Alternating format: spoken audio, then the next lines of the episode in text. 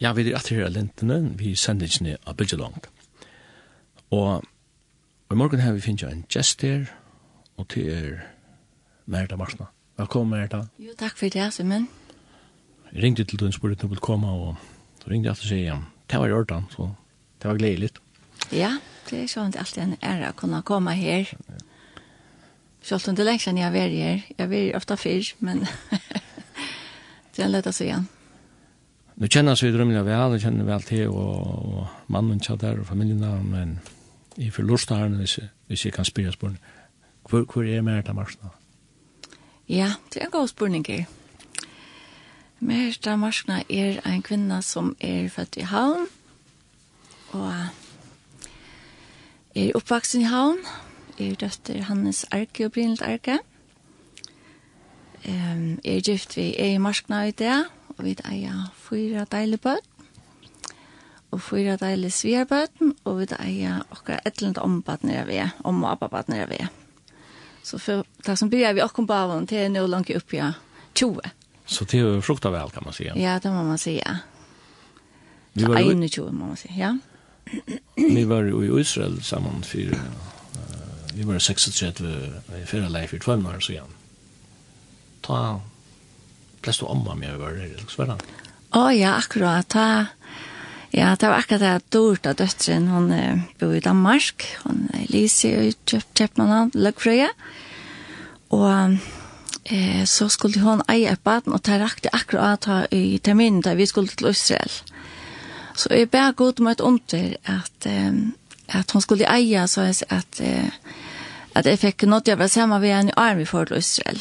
Hun var sånn hei termin akkurat da vi skulle være i Israel. Og det visste seg så at eh, hun åtte sammen Soma, soma natt som vi kom ned til Danmarskar om morgenen.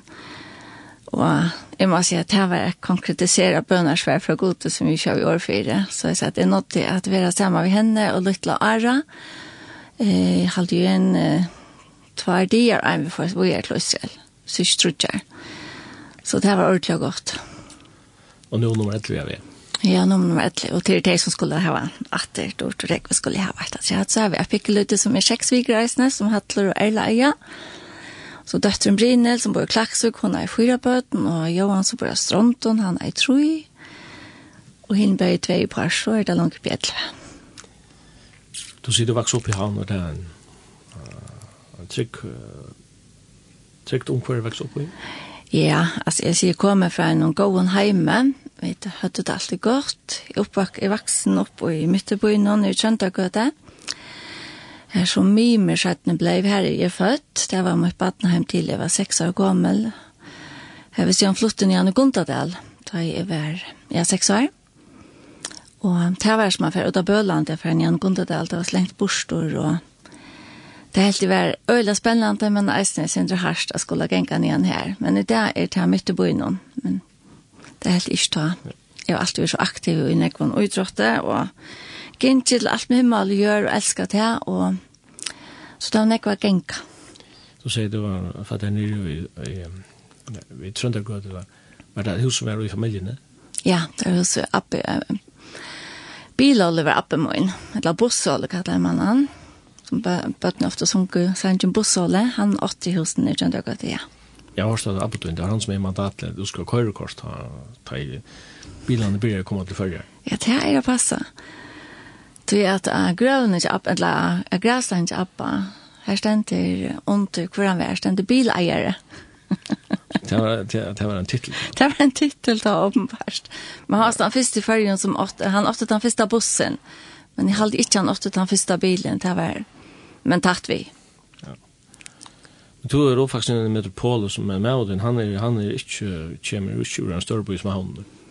Han kommer når Lutla er bygd. Han bor faktisk av Slattaneset til han var nødtjø et halvt år. Han har akkurat funnet det av at han begynte i skola i Sandavai, jeg vet ikke om det var Giljaneset, da 2. april i 2003, da var han, ja, nødtjø et halvt år ble bygd en autofta da, eller? Ja, det visste jeg at jeg fikk ikke strøm til Slattanes, så at um, falt jo flott til henne. Og her er framvis ikke strøm, men her er det en seks hus, skolen stender her enn, eisne, som er en tjekk av.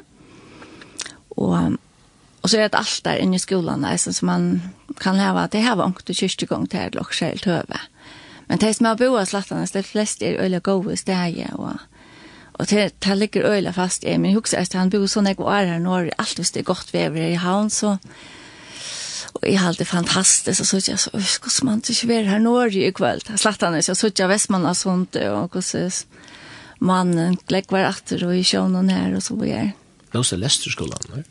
Ja, det låse Lester, ja. Mm. Og det er det skrøysen i Gassadal, ja?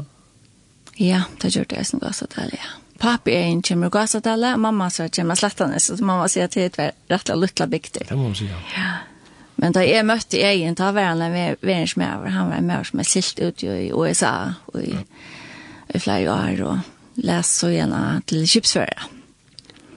Så det var ikke akkurat det luttla, så ser mest til han, men det kommer ofte etter til man blir eldre. Jeg kom til han og sørste jo, så er det bare en halv fjersen, og ber arbeid her, og ta minns ikke med arbeid som er bare til. Da fortalte jeg meg at han, han har en syster som har begynt å komme sammen. Vi bodja, bodja til kone min og alt jeg sier. Det er man så var først for jeg har hørt til omtale. ja, det var så, ja. Til så vi er en. Til så vi er en, ja. Ja. ja. Uh, Merda, nu sitter vi til linden i og jeg vil komme oss inn, inn på troarloivet. Altså, uh, da jeg tog var baden eller oppvaksen, uh, fylte Fyllte god nek og tunne livet? Eh, nei, altså, ikke nekka sveis, altså, nei. Jeg minns det at um, det er ofte hjemme for sundagsskola, og det er slik. Jeg skal ikke fyre for sundagsskola. Men omke du får jo man, og jeg mener så sier, jeg vet ikke hvor jeg ikke, og hei, jeg vet ikke, jeg tror ikke jeg sier hva det er. Men så sier jeg, ok, så skal jeg fjerde hvis jeg slipper, og jeg bygger av klokken fyra, til fire til fire, eller også, det handler by, og så kunne jeg fjerde. Men Ja, det ville gjerne hava meg til gos våre foreldrene. Og det var jo alltid for jeg var med meg til for å sove, men det var ikke noe som fyllt i annars. Vi gikk ikke å møte, jeg er ikke oppvaksen jeg gikk å møte. Slett ikke alls, jeg vil møtes igjen før jeg er jo. Jeg har også fast sagt at jeg lærte BFA jeg var, og, og så kom så hendte ting i løven som gjør det til at, at han bønne seg med det. Ja, akkurat. Jeg er helt sikker at det gjør noe ved meg. Det at jeg ble immensvel, jeg kjente meg trygg at jeg leie meg å sove. Jeg husker ofte at det virker så tømt at jeg ikke bare å sove. Og, og det akkurat er jo rekka så, så stort egentlig. Og så ikke at kunne legge deg og en ære hånd som alltid er her og som er nek større enn okkara. Men det er veldig nek på som var løgt ut det, jeg vet ikke hvordan det er i Følge, men i London som i Danmark og så, det er, det er vel bare gå nått da. Ja mamma elskar det eller et eller annet, men det er ikke mer det. Men det er sånn skikkelig, jeg ber for jeg var, jeg ives ikke, at jeg har gjort noe med meg, sett settene, at jeg har lagt en lom i meg, eller grunt i meg. Men at på et eller annet tidspunkt så er det noe som Guds kall kom i at denne løya, som til. ja. har en benke på. Ja, løye. Altså, det er faktisk ordentlig løye, det var nok så rundt det. Det var absolutt ikke noe jeg har hørt for, men... Jeg minns jeg hørte om vetjensene, at det kom nærmere i familjene, at jeg minns til dem, så her er sikkert bare at man blir en frelster, og så sa jeg, hva er det til for en akka, altså. Og, og vi kjent støle vel, alltid vi rann ikke, og i heim noen tja, for ellers hun ikke her alt server, jeg elsker, jeg ferast til server tja. Taimon, Jette og Palla, som jeg kjenner, og til ødel og til server kjenner til, men det er jo sjåfæren folk om fra, og Herald kom til trygg, og Moster Moin og Palle kom til trygg, og, og så møtte jeg så Egen, og han er en pappa som var en tryggvande med meg. Så da kom tattar og tattar jeg til, da begynte jeg kattla meg og meg av meg, ja, og jeg sa at dette var, var en ting som jeg måtte ta stå til for å sette Men jeg har kvæst at jeg borster til at jeg, hei alltid, jo faktisk som bare haft erfærtan av, at hei som gikk av møte, og så kallt sikvandi at det hette jeg så åntrant loiv at det her er i alt som tøyma, altså. Det kunne jo ikke, det var min fætan av det. Det er nok til slik vær som, men det var bare at han fætan er her i min høtte. Slå lower kristendomer? Ja, faktisk det er, ja. Forbo? Forbo, ja. Det er det det snus jo. Helt det. Ja. Men eh, som man sier at jeg kan si akkurat på torspunkt, at klokkeslett nær til for i rom fra hva som man sier, det er at løyve, at jeg ble endrefødt, eller opplevde møtene, men til så av almindelig i meg som folk har opplevd. Altså, hvis du skal sette året til, hvordan skulle du så løse det?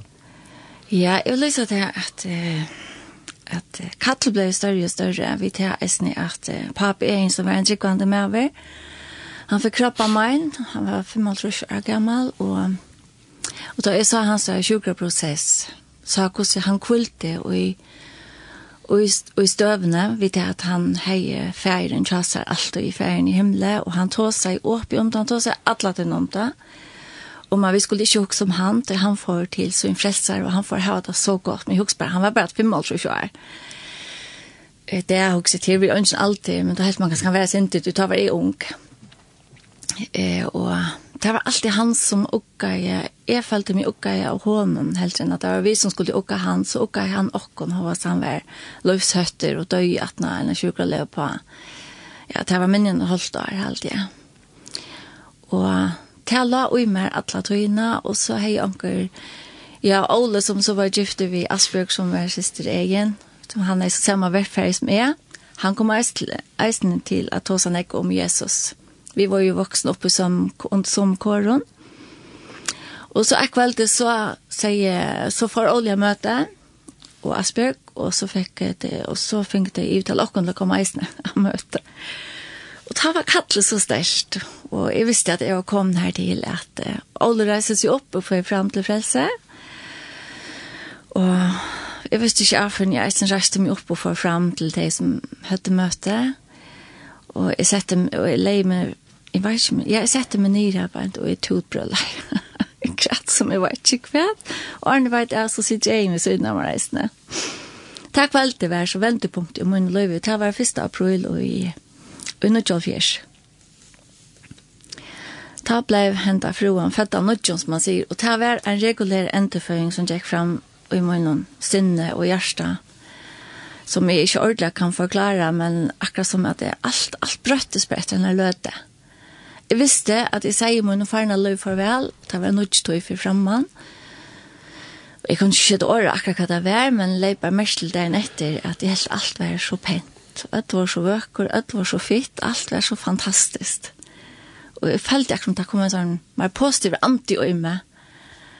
Og jeg får opplevd en sånn kærlighet til et menneske.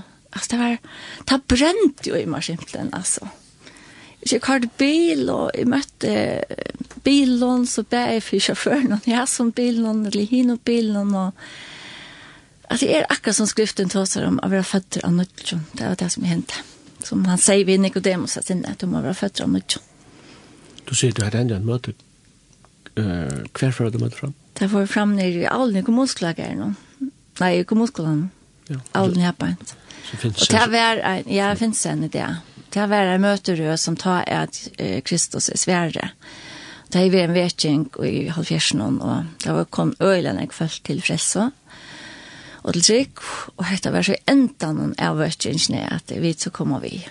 Thomas Kjol Askan taler etter kvalitet. Og bjør jeg følte fram, men anten var så kraftig at faktisk, ja, jeg vet ikke, jeg ble drien. Ja. Du sier det første april 1924. Ja. Ja. Hetta var altså ikke noen aprilsøver. Nei, det var det ikke. Det passer akkurat ikke aprilsøver, nei. Det var ikke engang koksom. Men det var Ginger siden dette her for fram. Men, ja, fjørt, en fjørt år siden, ja. Vi kan sikkert uh, snakke nek om det, det kunne vi kunne vende atter til. Ja. Men du har nevnt noen sanger som det var med. Du nevnte en sang som heter You Say. ja. Og det er særlig, det særlig vet du sanger som det var med. Nei, men det var så vel akkurat det at da man leser året, at Jesus sier hvor han er. Og tar jo eh, farsta og med hesen sannsyn, så sier hun hvor han er, og synker om hvor, hva det han kan gjøre, og hvordan høyt elsker vi dere. Da blir vi jo bare så etten sammen med noen hjerte. Så vi valgte henne denne sannsyn, og så er han ekstremt vel sannsyn nesten. Ja, jeg kan sone for at spiller for jokken. kunne.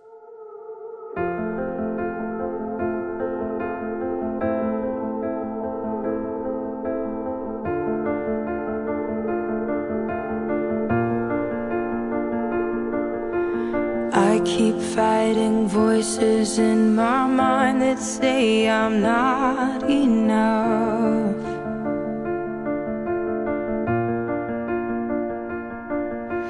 Every single lie that tells me I will never measure up.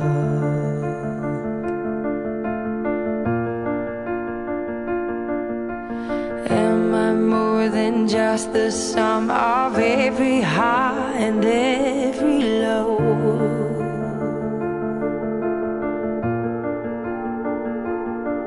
Remind me once again just who I am because I need to know.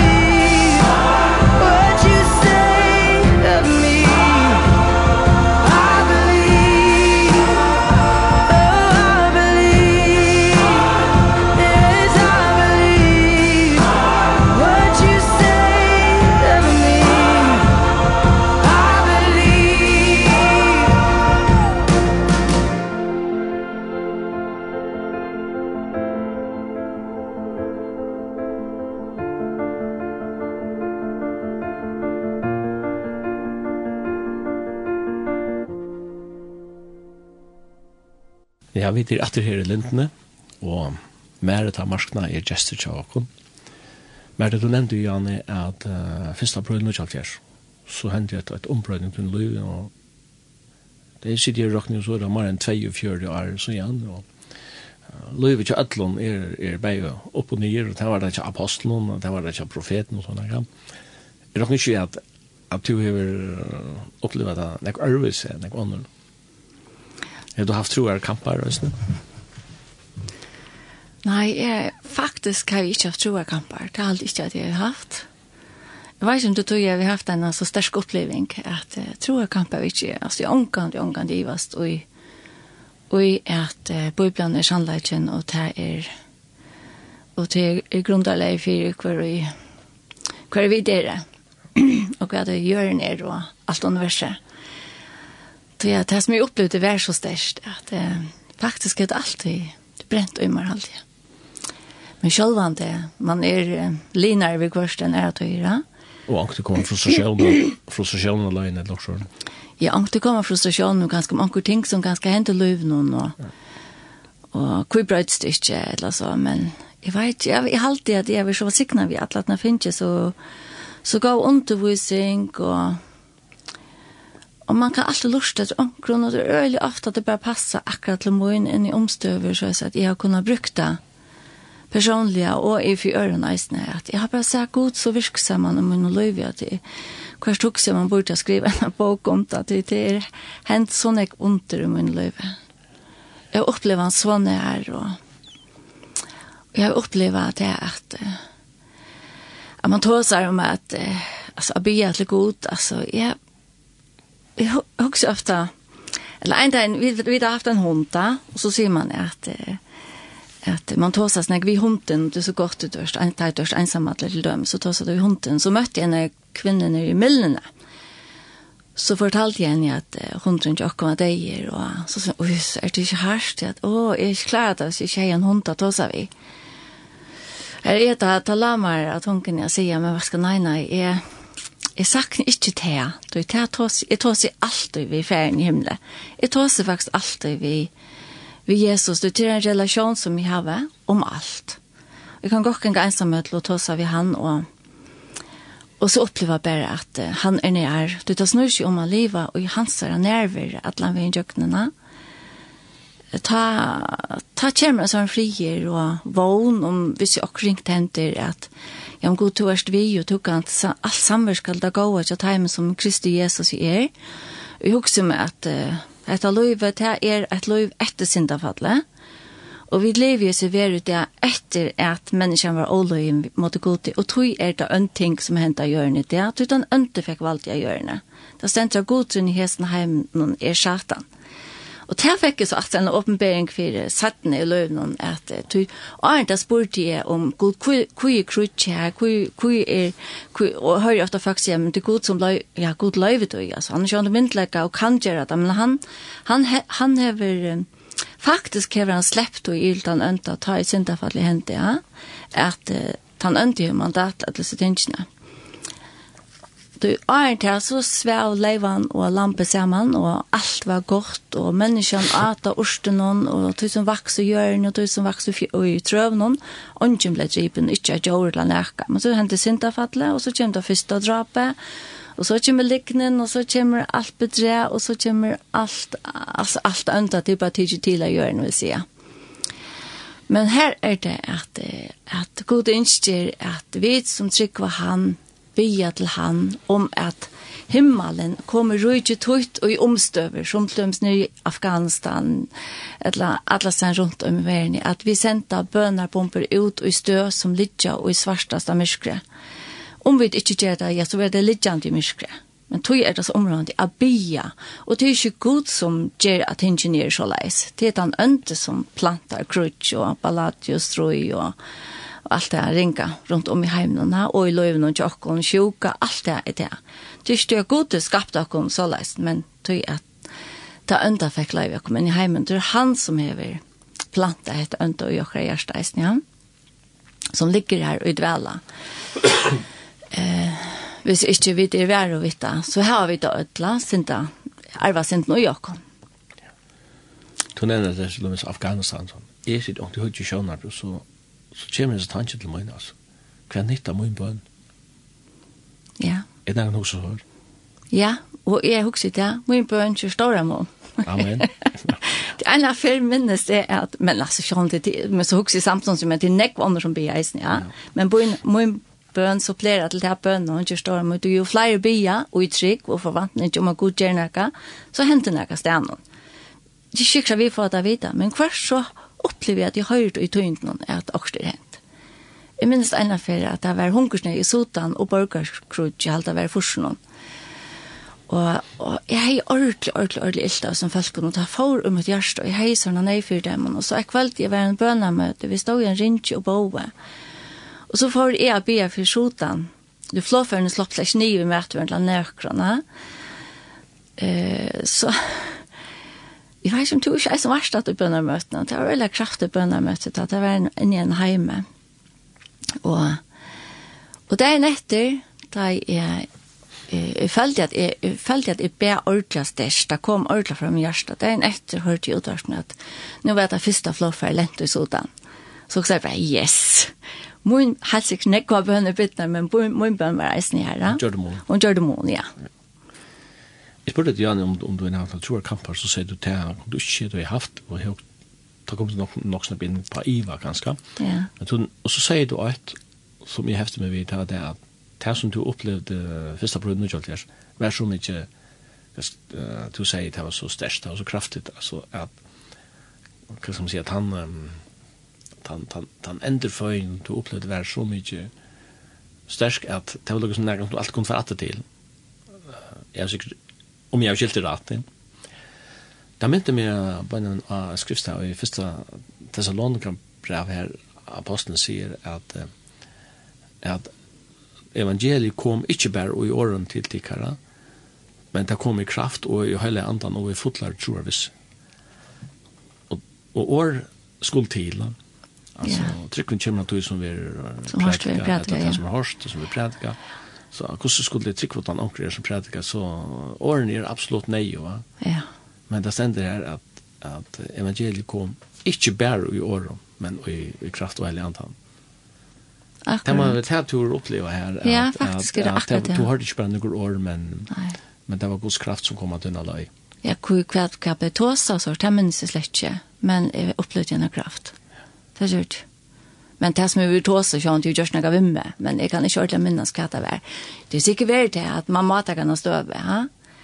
Og fylla setten tykker jeg at alle mennesker kommer til at vi mottaker støve i fyrt sned. Hvis noen er skeptiske her, sier du lort her og sier, mer da ja, men altså, som er falt til, det er interesseret seg for tannleik, og som er interesseret seg for politikk, og han intresserar sig för idrott och mer det du har vinjat det här att att att tur så intresse för och det finns så slä som men intressen så himska. Kan kväll så svär hans lugna människa. Ja, ja, det är akkurat ja, ett ord är religiös, ja. Det det blir lugnt som ett intresse om right. Ja, akkurat, ja. Ja, man blir kort i en sån kategori och det vet man när man är det. Du är du du lukar som kort i handa kassan. Ja, jag har varit alls inte för med religiösa på några måta. Og jeg synes at jeg er ikke oppvaksen gjennom religiøs omkvarve. Her i, det var sånn jeg glad for på et eller annet. Så, så jeg, jeg, jeg har i Atlantet bare opplevd sånn nøyene, så store. Så for sommen og settene som er i oppvaksen ganske, oi, samkomne blir så størst for Raimond, vi nøyene. Eh, det var ikke det er nytt for meg. Jeg, jeg, jeg, jeg tror jeg vi oppfattet det. Kanskje tror jeg at jeg har en ære bakgrunn, at nøyen er mer noe mye. At jeg har gjort sånn ikke, men men nå er jeg godt som er noe mye, og det er jo så nøyene som er livet. Og at jeg så ikke hvor høyt elsker jeg det, så har vi ikke hod til at som ting, eller så, sant? At jeg vet at jeg har en relasjon til Jesus. Og til jeg var ganske så, ah, til Jesus, akkurat folk kvekker vi, som man sier, nevner året Jesus. Det er nok løye at det er så, men det er akkurat det er et helt særligt navn, og det er sin drygt å si at han navnet. Du får reagerer på det, så sier jeg til Men um, det er en relation, relation og det er tannveien. Det kan til såleis i livet og i bøn. Man kan si og i bøn, ja, i livet og i samtale vi han alltid. Og jeg lødde alle ting i han eh, så vidt møvlet, altså, det gjør jeg. Og så sier man, ja, men du kan ikke bare bruke god til hatt, for han er i smal, og du er sånn her sånn. Så nei, altså, det kan godt være han er nekva gjøre, men han älskar det. Altså, hvis du er til ikke så ikke annerledes på det enn hva baden ikke papan hon, altså du gjør skal papan hon. Han älskar vi på en god papi, han älskar vi å vite i eh, barnet lust forteller hva det er gjørst, og hva det er ferie gjør, og hva det kjelt og hva det ringt, og hva er barnet det ringt, så vil han klemma barnet til seg, mossa til å si at han elsker det. Så les opplever jeg den himmelska feiren som eh, som alltid er her for meg, og sjån til hele anden som er her til åkken og Jesu navn, ja, men akkurat da vi personifiserer og Jesus er. Det er, han, det er hans verk som har gjort det at jeg kan leve fralset där. Jesus sier henne sånn, jeg er litt nært, han som finner ikke mer frelster, og, og en ære sånn sier han, jeg er veveren, han bruker så ofte han er, jeg er jo, men jeg har også om det, så bare tenker litt och vävren altså en en hår at det er først ikke noen, du blir standard du blir standard i då at det er noe som eh det rotan för og så in den där så innan för men vävren till när du till när som du gånger det är som en en kontinuerlig process så är det at uh, vi skal, hvis jeg skal annen hatt på tuttelhus, så, så hos jeg, og første prøven og kjøkker, dittnar, er dittnar, han som får innkjøkken med over frelster, og han skal genge inn og genge ut og finne føye, och så är han veveren till daglig. No? Akkurat. Og en sanger er The Waymaker. Ja, nemlig. ja. ja, han gjør veien til reier, ja. Ja. Jeg tenker ju hånden och gör honom bara och han leie det i jöknen. Och så sånt växer man ut trunne som för alle. Man är en nyfödd og vi över tusen spurningar och man søger alt til sen som man har. Men faktiskt gjør jeg til ännu det. Jeg, har lärt sån jag nog kvann enast att det er altså bäge om god och og Jesus og hele andan og, og alle andre samfunns vi er kjøpt og i munnen arbeidet man lærer kvann det jeg elsker å lære noe nytt Her sanger Waymaker hva er det som synger han? Uh, Waymaker piano det var Michael W. Smith som synger hans sangen Jeg var sånn for å finne han sanger fram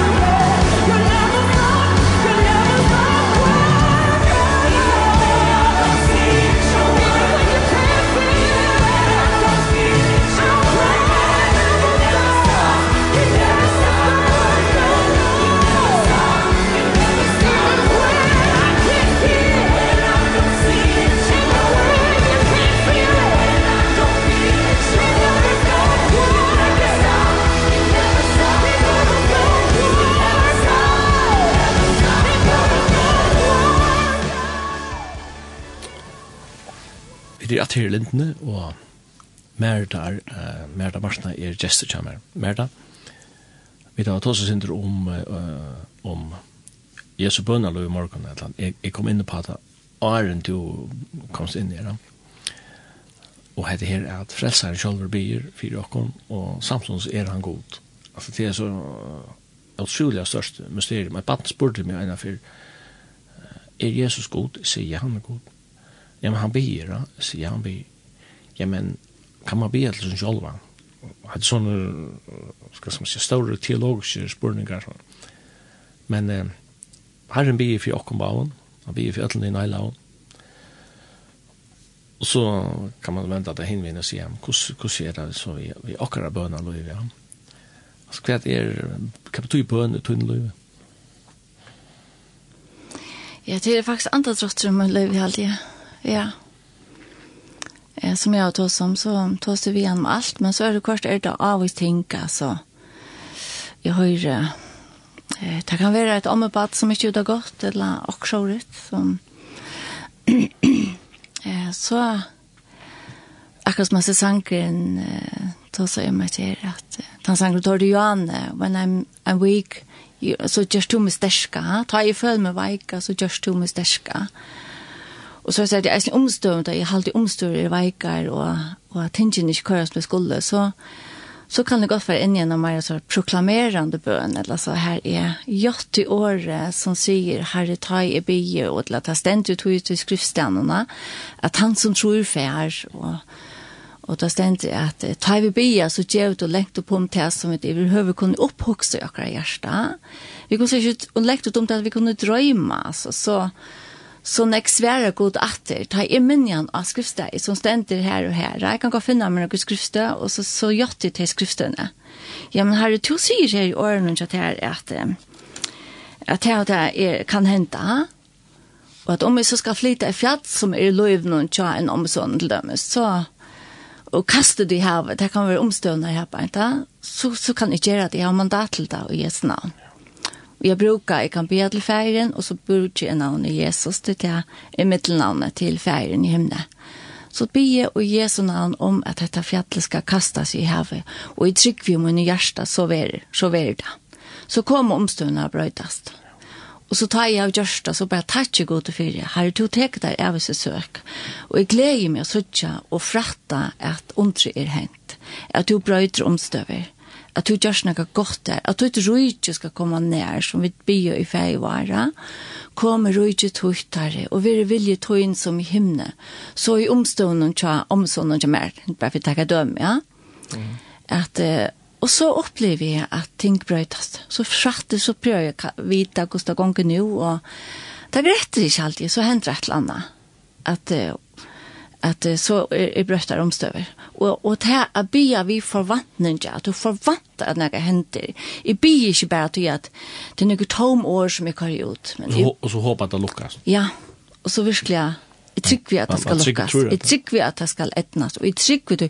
Jeg finner en sånn kvult inne og eisen til sørste i årene at jeg, jeg slapper av, jeg stresser ikke på samme at det langer til at jeg vet herre at du er sånn ikke større enn dette og, og du teker deg av og du kan gjøre under som jeg bare har opplevd sånn jeg var.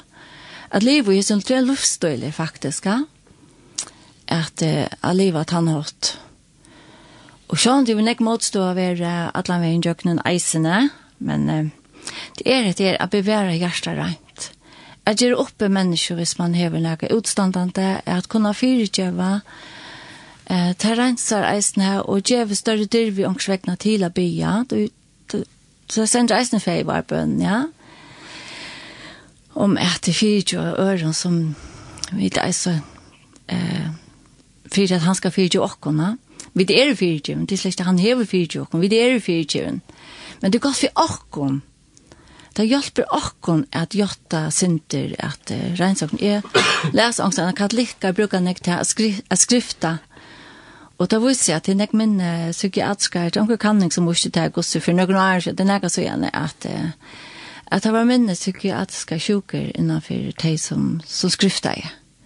Så det slipper av i byrna som det hava, og få gjøtta det hvis jeg helt dømmer seg ved sinta, eller synda, det kan vi så til å si, at jeg har gjort dere som ikke hette, va? og jeg vet at jeg burde ikke ha gjort, at jeg så, jeg kan gjøre det for god, han vet det, jeg prøver ikke eller gjøre det, men du, han vet det, jeg kan bare si, her takk at jeg er fyrtjum, to så skal du gjøre det, takk at du har fyrtjum, og takk at du nøyer så stor så, det er Men det er det jeg sier det til ganske, Ta ger det at tampoina som jeg har, hun halveras. Så nu er du vittne på at jeg har det så ringt, og at akkurat dette konkreta, konkreta sætjen er problemet.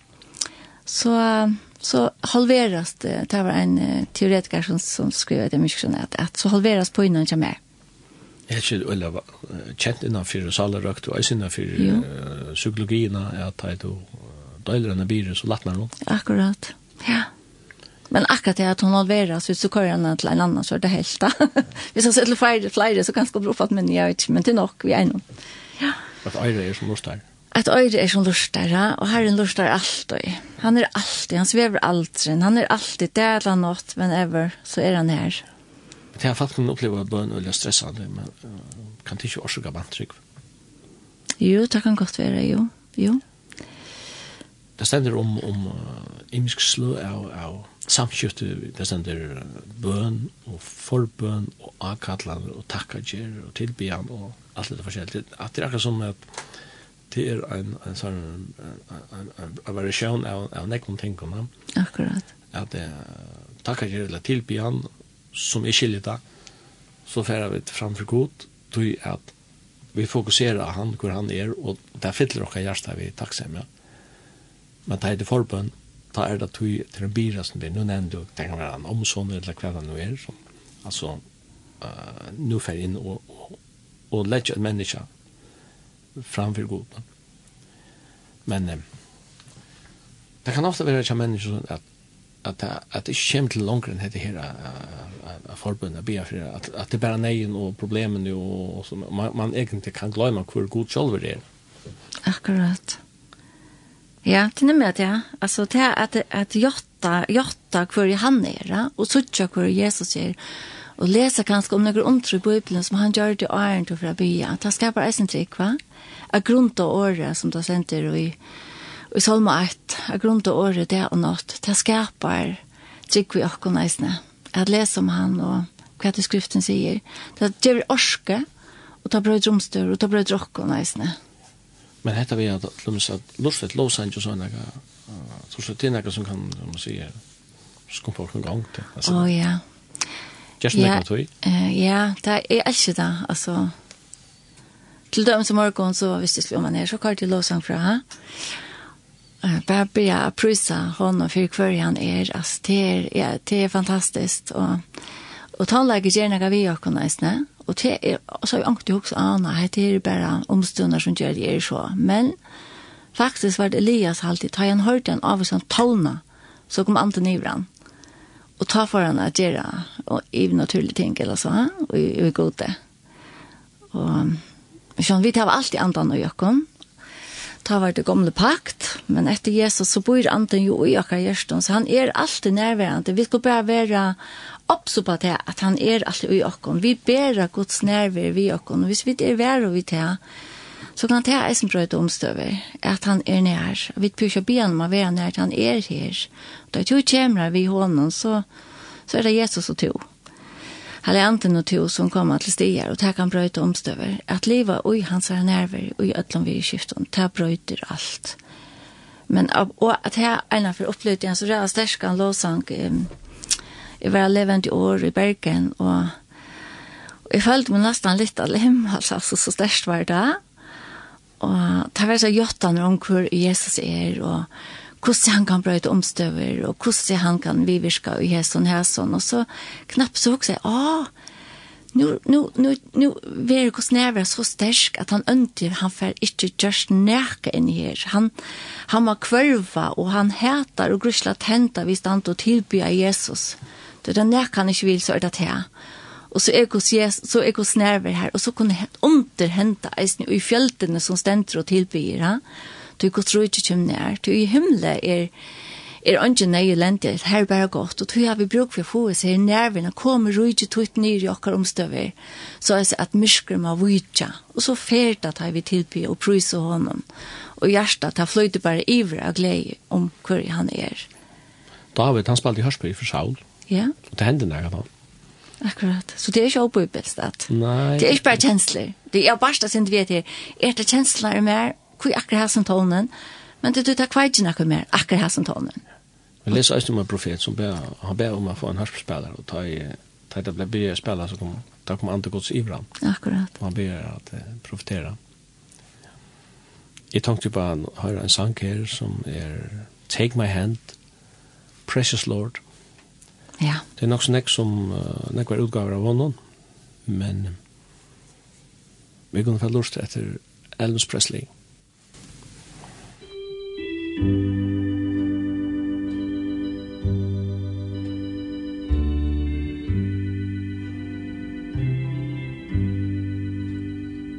Precious Lord, take my hand, lead me on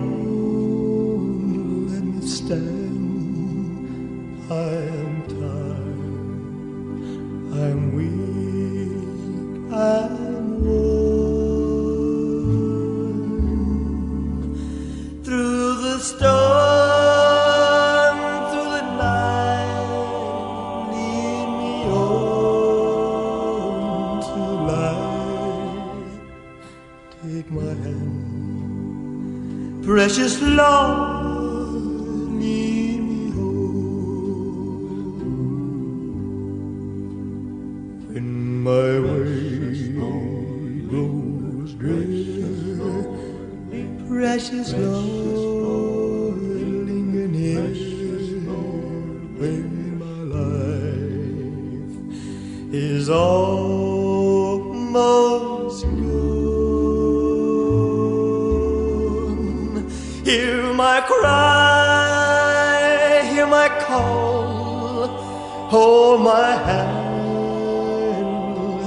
hold Take my hand Precious love lead me home. When the darkness appears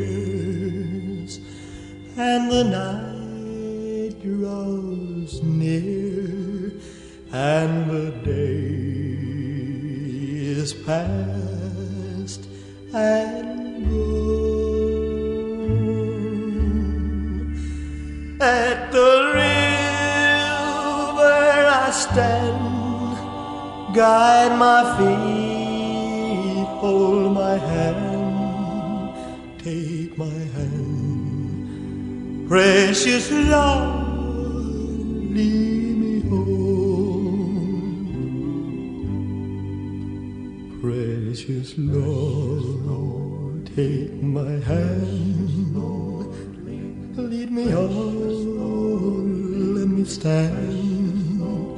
I'm tired, I'm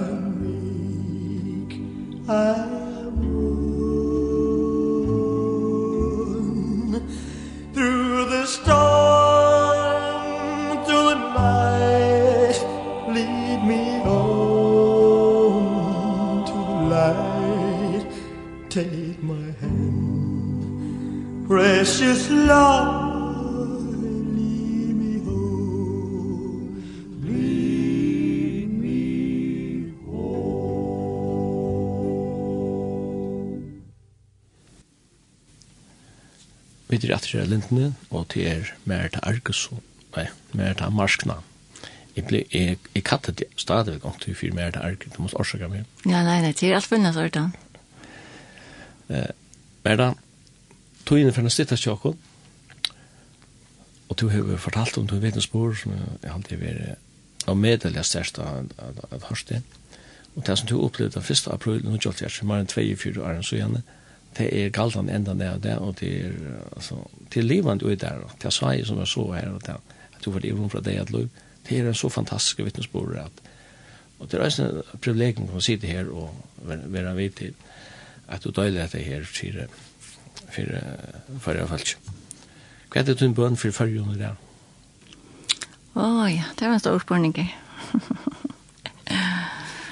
Ja, katt min bøn for fyrjun, for det første vil jeg ødlun fyrjun bære det beste, at alle mennesker skulle ha det godt, og alle mennesker skulle ha godt liv, og min bøn er sjålande til at alle mennesker skulle få oppleve det samme som jeg har opplevd. Så det er så mye godt at, at jeg kan bare vimmelast. Jeg halte at liv er tømt, utan at jeg var Ehm till just ju den an andliga personen, andliga personen löv någon till att um, människan bestämt ju på av antal sal och lika och så så är det att han sociala. Men vi tar lite till det att negligera det som heter antallig välvera. Att det var antalliga välvera, det var faktiskt det som jag har upplevt hessa togina. Att han ötten kommer inte i med samma hot som en som inte var antalliga välvera. Mm Eh, og eisen til at man, hva som enn henter mer, så vet jeg at jeg er i hans hånd, så det er ikke et forstyrrende moment som jeg skal teka støv til, kanskje sørste løte hvis jeg var ut for en eller annen et eller. Da jeg enda skal fære fra, så vet jeg at eh, henda samme hånden som hun lett meg etter vennen og Jørgen Løyve, hun leier meg hvor jeg er inne i avleikene. Her jeg skal være samme ved hånden, og her verer jeg et verligt løyv. Og veldig yngste man ikke bare eh, eh, fyrreika seg til pensjonene og i penken og kronen og, og aktiviteter, men når man eisne hukser om at jeg skal herfra en det, at, at man eisne gjør det til reier til tannparsten og Og sett seg nere hukse om, uh, har vi er antallet av velvere, er i etle reier å møte gode munnen. Det er faktisk et tæt han primære spurningen og løvnen fram om alt annet som er sekundært, det er at det var antallet velvære, at du hevet jo til, så, så kan det fyrbyrja, bare fysisk om kvalen, og eisne, jeg har skrivet en oppgave om antallet omsorg til den kritisk sjuke sjuklingen, og her leser jeg at hvis man ligger kritisk sjuker og ikke er antallet velvære, så er så faktisk veldig mulig at gjøre for jeg blir frisker, og sjukreleven kan være langere, og til er det er faktisk logisk til at hvis du er spentjen og fotler av øtta, ja, så, så fer hormoner og enzymer og allt det forskjellige at det fungerer under stress og gjennom stressfaktorer i likamon og som gjør at, at, at, at som at kortisol blir høyt og som gjør blodtrykk for opp og alt lykker ikke vel. Men først og så jeg har sett at det er andelig velvære min en kyklinger hever